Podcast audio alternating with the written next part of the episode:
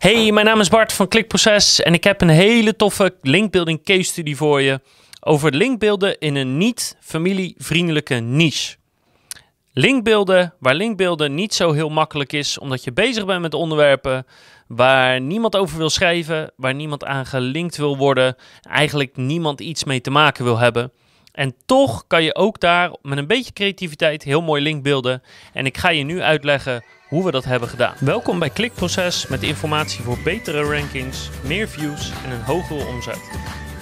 Elke week praktisch advies voor meer organische groei via SEO, CRO en YouTube. En ik ga je nu uitleggen hoe we dat hebben gedaan en wat de prachtige resultaten zijn van deze linkbuilding case study. Ja, als ik het heb over niet familievriendelijke niches, dan heb je het meestal over de PPC-niches. Pillen, porno en casino.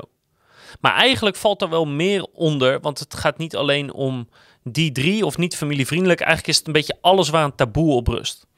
Dus dat gaat bijvoorbeeld ook over niches die over bepaalde zaken qua geestelijke gezondheid gaan. Of juist over fysieke gezondheid. Of, of drugsgerelateerd. Of andere seksgerelateerde dingen. Nou ja, er zijn zat dingen waar iedereen zich eigenlijk wel mee bezighoudt, maar niemand over wil praten. Dus daar gaat het vooral om. Nou, en als je actief bent in zo'n niche, dan weet je dat linkbeelden echt een drama is. Want ja, jij hebt een site over een onderwerp en eigenlijk wil niemand daaraan gelinkt worden.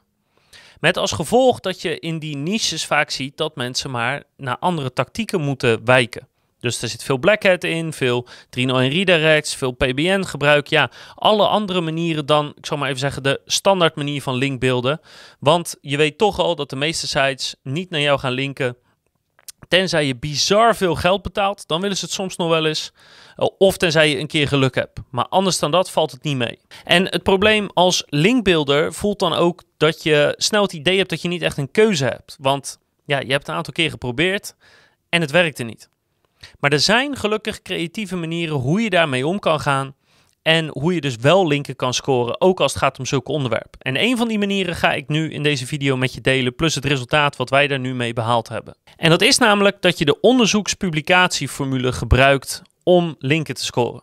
En ik heb een hele aparte video en podcast over hoe die uh, methode precies werkt, met de exacte uitleg stap voor stap. Dus die ga ik niet toelichten, maar even heel simpel gezegd.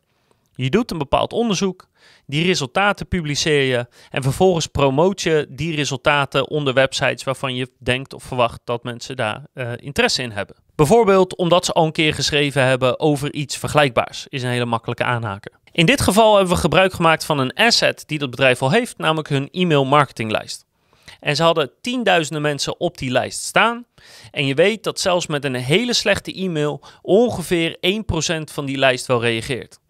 Dus als je 10.000 mensen op die lijst hebt en 1% betekent dat honderden mensen. Dat kan al genoeg zijn om een leuk onderzoek mee te doen. Mocht je nou denken, ja, maar daar gaat mijn, mijn hele project, want ik heb geen e-mail marketinglijst. Geen probleem, je kan ook via Facebook Ads kan je makkelijk mensen bereiken en naar een enquête of een vragenlijst bijvoorbeeld doorsturen. Dus er zijn vervangers voor als je niet zelf een e-mail marketinglijst hebt om toch mensen te bereiken om mee te doen aan een onderzoek. Maar in dit geval even, we hadden die lijst al, dus was praktisch en snel, dus die hebben we gebruikt. Dus we hebben die mensen gestuurd naar een vragenlijst van ongeveer 25 vragen. En die vragen waren dus gerelateerd aan wat het bedrijf doet. En daarna hebben we die resultaten gepakt van de honderden mensen die het hebben ingevuld. En die resultaten hebben we opgedeeld in verschillende categorieën, zodat we er verschillende publicaties van konden maken. En die opdeling hebben we zo gedaan dat we per publicatie een bepaald soort website konden aanspreken. Dus even een fictief voorbeeld. Als je een stuk hebt in je vragenlijst wat gaat over geld, over je inkomen of je uitgaven of, of een omzet van een bedrijf, zoiets. Dan kan je dat koppelen uh, aan financiën en dan kan je dus outreach doen naar sites die het hebben over geld of over beleggen of over investeren of over ondernemerschap of iets financieels, hè, boekhoudwebsites, ik noem maar wat.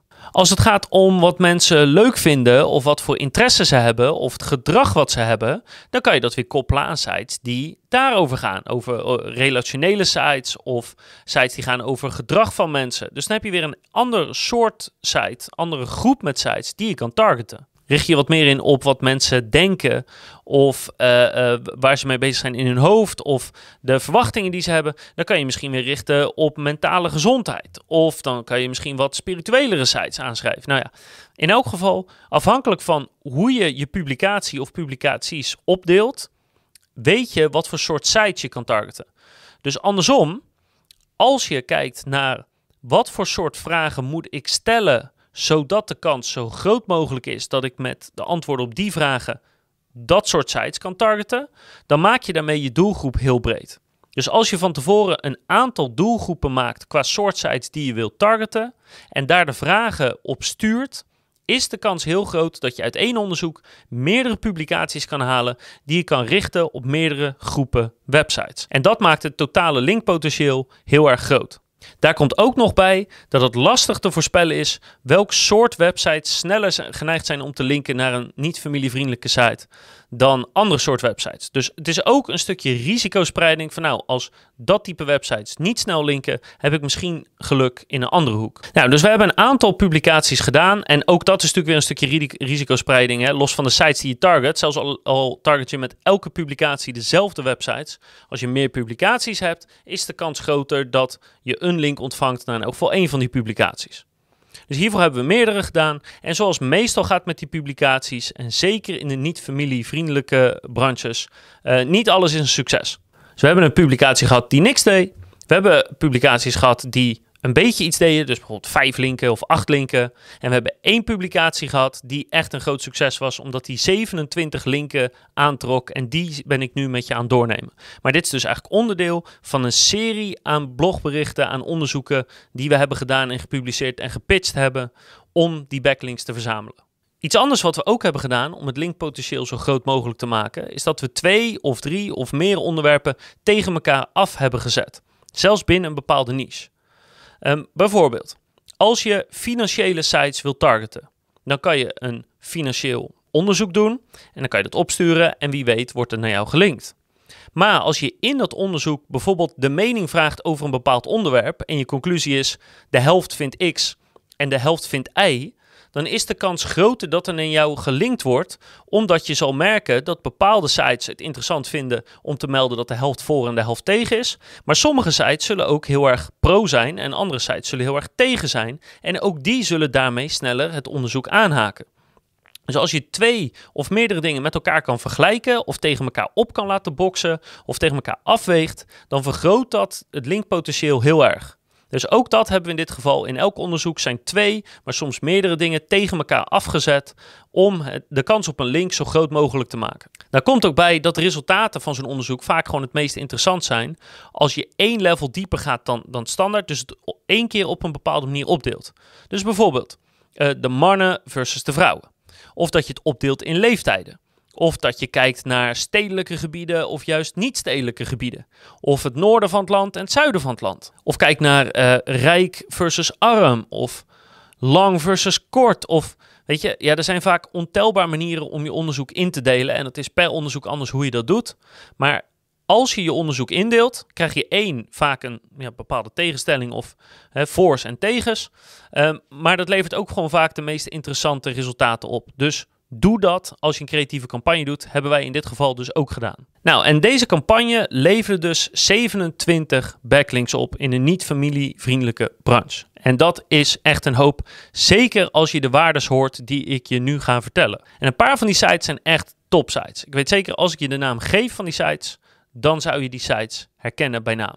Dus ik ga je de waardes geven van de websites die linken. Dat doe ik in Ahrefs uh, domain rating, DR, en in uh, Majestic SEO's Trustflow TF. En voor beide geldt, hoe hoger de score, hoe beter op een schaal van 0 tot 100. Dus we beginnen even met de scores in DR. We hebben vier keer een DR 70 plus site gehaald. Twee keer site met een DR tussen de 60 en de 70. 14 keer een website met een DR tussen de 30 en de 50. En 7 keer met een DR tussen de 1 en de 30. En als we kijken naar Trustflow, dan ziet de score als volgt uit. 1 keer een trustflow van 50, 5 keer een trustflow van tussen de 40 en de 50 en 21 keer een trustflow van tussen de 1 en 30. Nou, naast de linken levert het ook leuke contacten op. Zo hadden we bijvoorbeeld een leuke mailwisseling met die uh, van een redactielid van die DR76-site. Die stuurde: Hoi, hartelijk dank voor je mail. Wat een leuk onderzoek en leuke resultaten. We hebben dan ook daarnet een kort artikel gemaakt met een aantal bevindingen. Hier is de link. Fijne dag. Nou, we hebben daarop gereageerd met nou super bedankt voor het publiceren. En daarna stuurde dat redactielid nog een keer terug. Hey, goed om te horen dat jullie er blij mee zijn. Het artikel wordt goed gelezen door. Nou, dan heb ik even een stuk weggehaald. Een volgend stuk van het onderzoek is altijd welkom. We zijn benieuwd. Uiteraard hebben we daar dankbaar gebruik van gemaakt. En dat is dus een bijkomend voordeel van zo'n soort publicatie. Als het wordt opgepakt, is de kans groter dat als je die mensen nog een keer een interessant onderzoek mailt, dat ze er nog een keer een stukje over schrijven, omdat je een band begint op te bouwen met die redactie. Leuk feitje om te weten. Een aantal van die hoge DR-sites hebben we ook benaderd voor een commerciële samenwerking. En toen vroegen ze tussen de 3000 en 10.000 euro voor een artikel en een link. En wat ze altijd op zulke sites doen, een bepaalde vorm van aanjaging erbij.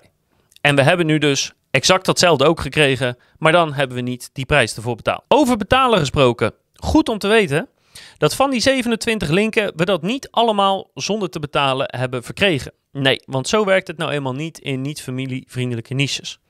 Ongeveer de helft van deze linken, en dan zit je echt het, lage eind van, uh, van de kwaliteitsspectrum, um, daar hebben we voor betaald.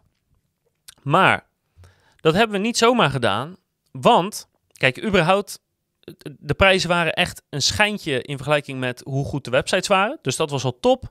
En twee, kijk, dit onderzoek heeft ons de mogelijkheid gegeven om überhaupt die linken te kunnen krijgen. Want die sites hadden echt nooit naar een site als die van ons gelinkt, als daar niet een stuk onderzoek aan vast zat, wat ze zeg maar een excuus geeft om erheen te linken. Of anders gezegd, we kregen nu de reactie terug, joh, ik vind het onwijs leuk onderzoek, maar gezien de niche waar jullie in zitten, wil ik gewoon een vergoeding hebben om het te plaatsen, want ik ga dat gewoon niet zomaar doen. Nou, in niet-familievriendelijke niches is dat de normaalste zaak van de wereld. Dus dat is sowieso top. De, prijzen die gerekend werden zijn echt een schijntje. Ik bedoel, ze moeten ook gewoon een artikel maken. En als je een, een beetje normaal uurtarief rekent en dan vervolgens uh, um, wat ze dan rekenen, ja, dan is het eigenlijk gewoon arbeidsloon wat je betaalt. Maar dat kan dus een ander groot voordeel zijn van zo'n onderzoek. Voorheen wilden zulke sites nooit naar ons linken. Ik bedoel, die hoge DR-sites, daar hebben we niet voor betaald. Zit wat meer in, in het lagere spectrum. Maar die zouden nooit naar ons gelinkt hebben als we niet zo'n goed onderzoek hebben. Waar ze wel graag naar willen linken. Maar dan vragen ze wat geld voor. hey, ik vind prima. Dan nog vier tips voor als je zo'n soort actie gaat doen in een niet familievriendelijke niche. Vier tips die je kunnen helpen om jouw creatieve campagnes eigenlijk veel beter te maken. Eén is, de naam van je website bepaalt heel veel. En die heeft ook met een andere tip te maken, maar hoe vriendelijker de naam is, hoe, hè, hoe minder uh, expliciet die het heeft over je onderwerp. Dus hè, als jij dewietkoning.nl hebt, dan, dan staat er wiet in, dan kan je er niet omheen. Dus, maar als daar gewoon staat de koning, of gewoon, weet ik veel, Bart.nl, die dan wiet verkoopt, uh, hoe beter die naam is, dus hoe minder expliciet je onderwerp erin staat, hoe groter de kans is dat je linken krijgt. Twee, weet dat de ankerteksten die je gaat ontvangen waarschijnlijk niet top zijn. En zeker niet dus als je expliciet een bepaald iets in je naam hebt staan. De kans is groot dat ze linken met een ankertekst als klik hier, lees hier het onderzoek, bekijk hier meer. In plaats van dat ze met je naam linken, want ja, dat willen ze eigenlijk gewoon niet. Uh, dus weet dat die ankerteksten niet fantastisch zijn, maar het is altijd beter dan geen link. Drie, verspreid echt die risico en zorg ervoor dat je meerdere campagnes draait, want de een zal het goed doen en de ander minder goed. We draaien voor die site heel vaak kleinere campagnes, waarvan sommige uh, één of twee linken opleveren, soms ook nul linken opleveren, maar andere leveren er wel 50 op. Dus verspreid je risico, verspreid je onderwerpen, verspreid de sites die je target om je succes op de lange termijn gewoon zo groot mogelijk te maken. Wees er ook op voorbereid dat niet iedereen op je mail zit te wachten. En ook hiervoor geldt, en dat is altijd als we mailen vanuit niet-familievriendelijke niches. Je krijgt altijd reacties terug waar de honden geen brood van lusten. Weet dat gewoon. Hè? Mensen gaan je uitschelden in de mail, uh, uh, zeggen dat je op moet rotten of je niet goed bij je hoofd bent.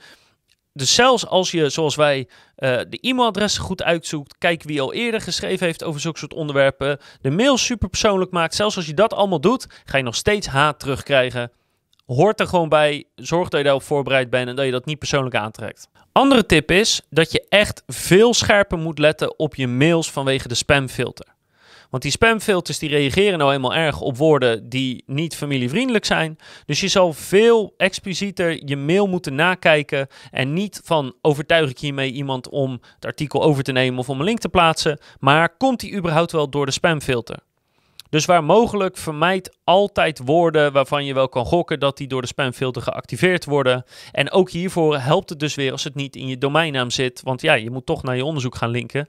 En zonder domeinnaam wordt het lastig. Um, dan zou je nog kunnen zeggen, we kopen een ander soort domeinnaam of die hebben we al. Dan linken we daarheen en dan 301 redirect die weer naar het onderzoek. Dus dan link je naar bart.nl en die linkt dan naar bartdewietkoning.nl bijvoorbeeld. Um, maar ook daar krijgen mensen vaak weer een slecht gevoel bij dat ze misschien uh, in de zeik worden genomen of dat het spam is. Dus dat heeft ook niet echt de voorkeur. Het beste is gewoon uh, opletten op je woorden en een domeinnaam waar geen vervelende woorden in zitten. Als je dus wel zo'n soort woord in je domeinnaam hebt zitten, reken dan op dat je 20 tot 25 procent van je mails automatisch bounce door al de standaard spamfilter. En dan kunnen mensen soms nog een persoonlijke spamfilter hebben. Dus um, ehm, 20 tot 25 procent van je mails, van je potentiële bereik, verlies je sowieso. Um, als je dat hebt, zorg in elk geval wel voor dat je domeinnaam is opgewarmd. Dus als je net een nieuw domeinnaam registreert en dan vanuit niks duizend sites gaat mailen op zo'n manier, dan uh, weet je helemaal zeker dat alles in de spam terechtkomt. En als je dat nou allemaal niet wil, wat je zou kunnen doen, is dat je dus vanuit een ander e-mailadres mailt. Dat zou kunnen, omdat die al is opgewarmd of omdat die niet zoiets expliciet uh, in de domeinnaam heeft. Um, het probleem is dat je meestal nog steeds in je mail wel naar de domeinnaam moet linken, want je moet linken naar je onderzoek. Je moet naar bartdewietkoning.nl slash onderzoek uh, moet, je, moet je linken. Uh, en dan staat er nog steeds wiet in je e-mail, want het staat in de domeinnaam. Uh, maar toch kan dat alweer schelen om door de eerste filter heen te komen, de eerste spamfilter. En als laatste tip, wat je natuurlijk ook zou kunnen doen, is dat je je mails laat versturen door een partij als ons. Want wij zijn gewoon klikproces.nl en daar gaat geen spamfilter op af. Dus ook dat is nog een optie als je per se mails wil versturen. Ik hoop dat je er wat aan hebt. Ik hoop dat het je inspireert om aan de slag te gaan. En als je in een niet familievriendelijke niche zit, te weten dat er toch echt kansen liggen om tientallen linken te scoren met één stuk content. En als je hierover vragen hebt, kan je natuurlijk altijd een reactie achterlaten op YouTube. Je kan een mail sturen naar bart.klikproces.nl. En ik hoop natuurlijk dat je de volgende keer weer kijkt, luistert of leest. Dan heb ik nog veel meer toffe case studies en andere vormen van advies, tips en wat dan ook over SEO, CRO en YouTube.